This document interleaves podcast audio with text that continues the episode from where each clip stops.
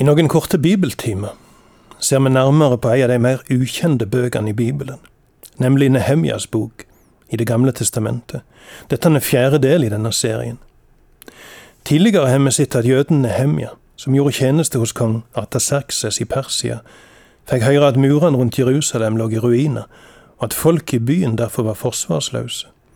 Dette dreiv Nehemja inn i inderlig bønn til Gud for byen og folket sitt.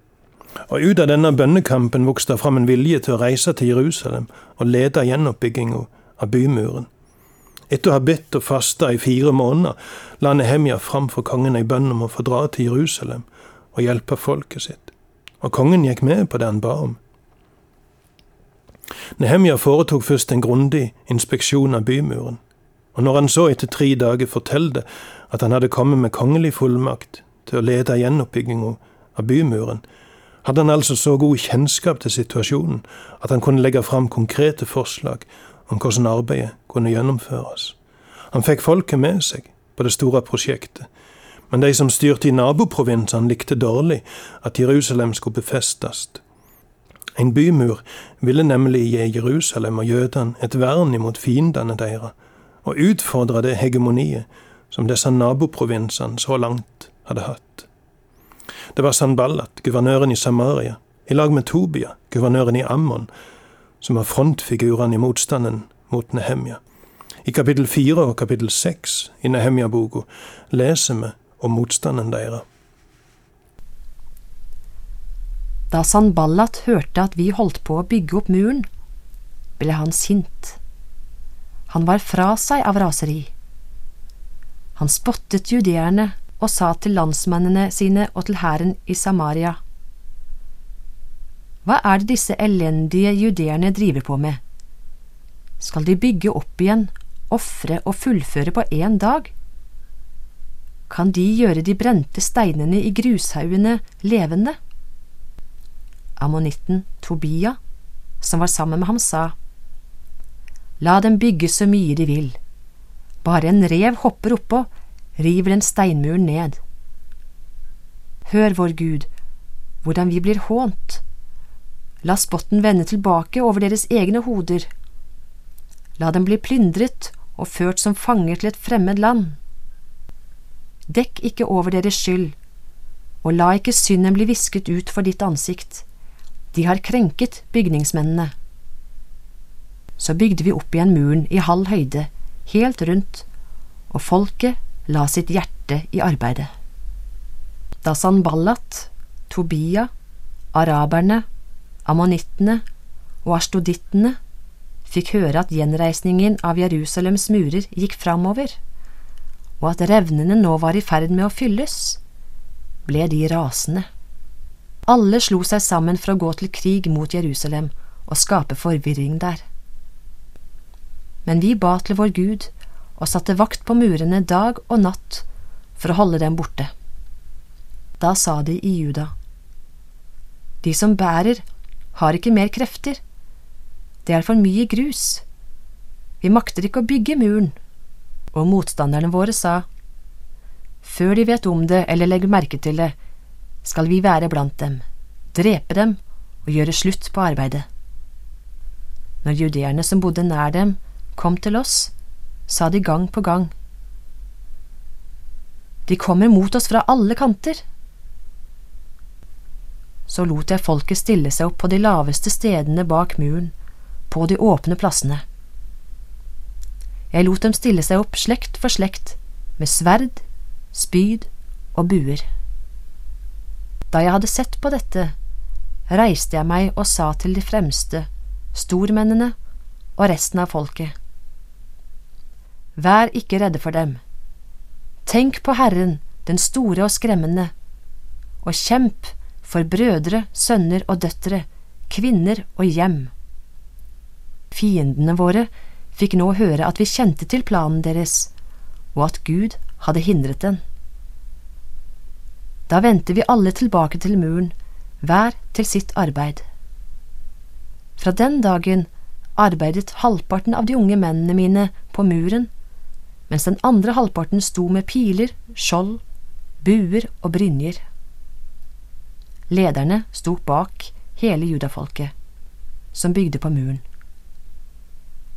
Bærerne gjorde arbeidet sitt ved å bære med den ene hånden og holde våpenet med den andre. Hver bygningsmann hadde sverdet festet ved hoftene mens han bygde. Hornblåseren sto ved siden av meg. Da sa jeg til de fremste, stormennene og resten av folket. Arbeidet er stort og hvitt, og vi står spredt på muren, langt fra hverandre. Om dere hører lyden av hornet, skal dere samle dere omkring oss. Vår Gud vil kjempe for oss. Vi fortsatte arbeidet fra morgenrøden viste seg, til stjernene kom fram, mens halvparten sto med spydene sine. Samtidig sa jeg til folket, Hver mann og hans tjenestefolk må bli over i Jerusalem, så de kan holde vakt om natten og arbeide om dagen. Selv kom vi aldri ut av klærne, verken jeg, brødrene mine, tjenestefolkene eller vaktmennene som fulgte meg.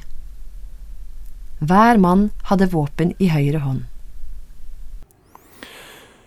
Her, som i kapittel to, ser vi fienden komme med spott og hån for å ta ifra folket motet og trua på at verket kunne lukkes. Når dette ikke nytter, kommer de med trusler og planer om angrep for å skremme folket til å gi opp arbeidet. Angrepene var nok ikke åpne krigshandlinger, det ville ikke perserkongen ha tolerert. I plassen skjedde det antagelig ved at røverflokker herja, men bak det hele satt Sanballat og Tobia trekte i tråden. Faren fikk imidlertid ikke Nehemja og mennene til å stoppe arbeidet, bare til å passe på at de alltid hadde våpen for hånda. Sånn gikk arbeidet framover, tross den overhengende faren. Kapittel seks forteller videre om motstanden som Nehemja møtte. Sanballat, Tobia, araberen Geshem og de andre fiendene våre fikk høre at de hadde bygd muren opp igjen, og at det ikke fantes brist i den lenger. Men ennå hadde jeg ikke satt inn dører i portene. Da sendte Sanballat og Geshem bud til meg. Kom, la oss møtes i Hakefirim i Onodalen. De hadde tenkt å skade meg. Jeg sendte budbærere til dem med svaret Jeg er opptatt med et stort arbeid og kan ikke komme. Arbeidet ville stanse hvis jeg forlot det og dro ned til dere. Fire ganger sendte de samme bud, og hver gang ga jeg samme svar. Sanballat sendte tjeneren sin til meg med samme bud for femte gang, nå med et åpent brev i hånden. Der sto det skrevet. Folkeslagene har fått høre, og Geshem stadfester det, at du og judeerne tenker på å gjøre opprør, og at det er derfor du bygger muren. Det sies at du vil være kongen deres. Du skal til og med ha satt profeter til å rope om deg i Jerusalem, en konge i Juda. Dette vil kongen nå få høre. Kom derfor og la oss rådslå om saken. Jeg ga dette svaret. Ingenting av det du sier har skjedd. Dette er noe du selv har funnet på. For alle ville skremme oss. De sa, de kommer til å miste motet, og arbeidet vil ikke bli gjort. Og nå, styrk hendene mine. Da gikk jeg inn i huset til Shemaya, sønn av Delaya, med Hetabels sønn, som måtte holde seg hjemme. Han sa, La oss møtes i Guds hus, midt i tempelet. La oss låse dørene der, for de kommer til å drepe deg om natten. Jeg svarte, Skulle en mann som jeg flykte? Og skulle en som jeg gå inn i tempelet og fortsatt leve? Nei, jeg går ikke inn. For jeg skjønte at det ikke var Gud som hadde sendt ham. Han talte profetord om meg fordi Tobia og Sanballat hadde betalt ham.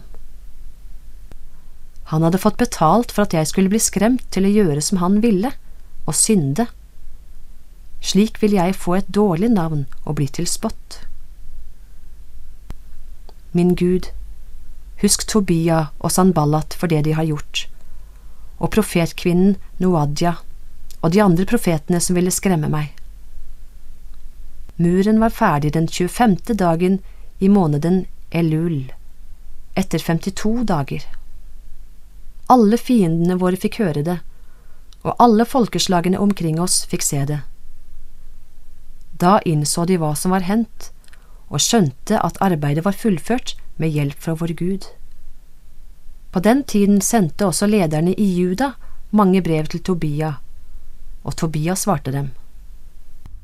Mange i Juda var bundet til ham ved ed, for han var svigersønnen til Shekanya, sønn av Ara, og sønnen hans, Johanan, hadde giftet seg med datteren til Meshulam, sønn av Beresha. De fortsatte å tale godt om ham til meg, og mine ord bar de videre til ham. Tobias sendte også brev for å skremme meg. Her ser vi fienden legge fram en alvorlig anklage om opprør imot kongen, og det gir inntrykk av at dette er en mistanke som spreier seg, og som derfor før eller seinere vil komme kongen sjøl for øyre. Sanballa til Tobie gir inntrykk av at de er bekymra over dette ryktet, og gjerne vil treffe Nehemja for å hjelpe han til å klare opp i den alvorlige situasjonen. Men falskheten deres preller av på Nehemja. Han nekter å forlate arbeidet for å møtes og snakke om beskyldninger som han og kongen veit er falske, og kun er et påskudd for å lokke han i ei felle. Neste framstøyt ifra fienden er enda listigere. De betaler en jødiske profet for å bære fram ei løgn og prøve å lure Nehemja til å søke dekning inne i tempelet der bare prestene hadde lov til å gå inn. Men ingen ekte profet bærer fram et budskap som strir imot Guds ord. Og Nehemja gjennomskuer sviket til både denne og andre falske profeter. Hadde han gjort sånn som Shemaya sa, ville han ha synda imot Gud og gitt fiendene anledning til å sverte han og stille spørsmål ved respekten hans for Gud og hans ord. Dessuten kunne det skapt frykt iblant arbeiderne hvis de så lederen deres ryme og søke dekning.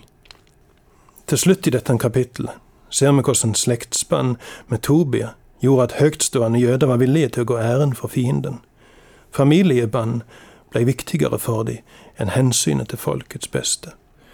Vi kan se disse kapitlene som en illustrasjon på ei åndelig krigføring, der fienden sine framstøt viser den vonde sine tidløse strategier for å ramme Guds folk. Den vonde kan te seg både som ei brølende løve og som en lysets engel, sier Bibelen, og i disse kapitlene ser vi begge deler.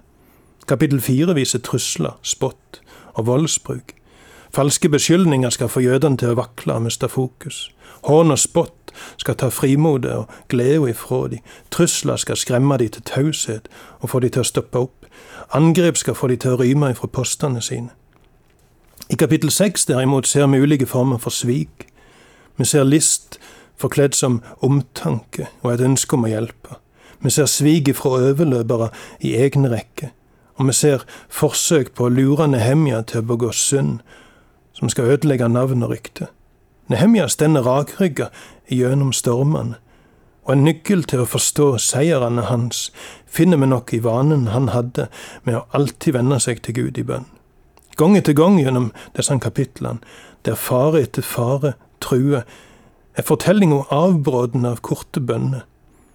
Bønnene viser at Nehemja stolte lite på seg sjøl og mye på Herren sin. Når jeg er svak, da er jeg sterk, kunne han nok sagt. For visshet om egen svakhet gjør at vi søker den hjelpa som Gud vil gi. Kun i Hans kraft kan vi stå oss imot den vonde sine vondskapsfulle og listige angrep.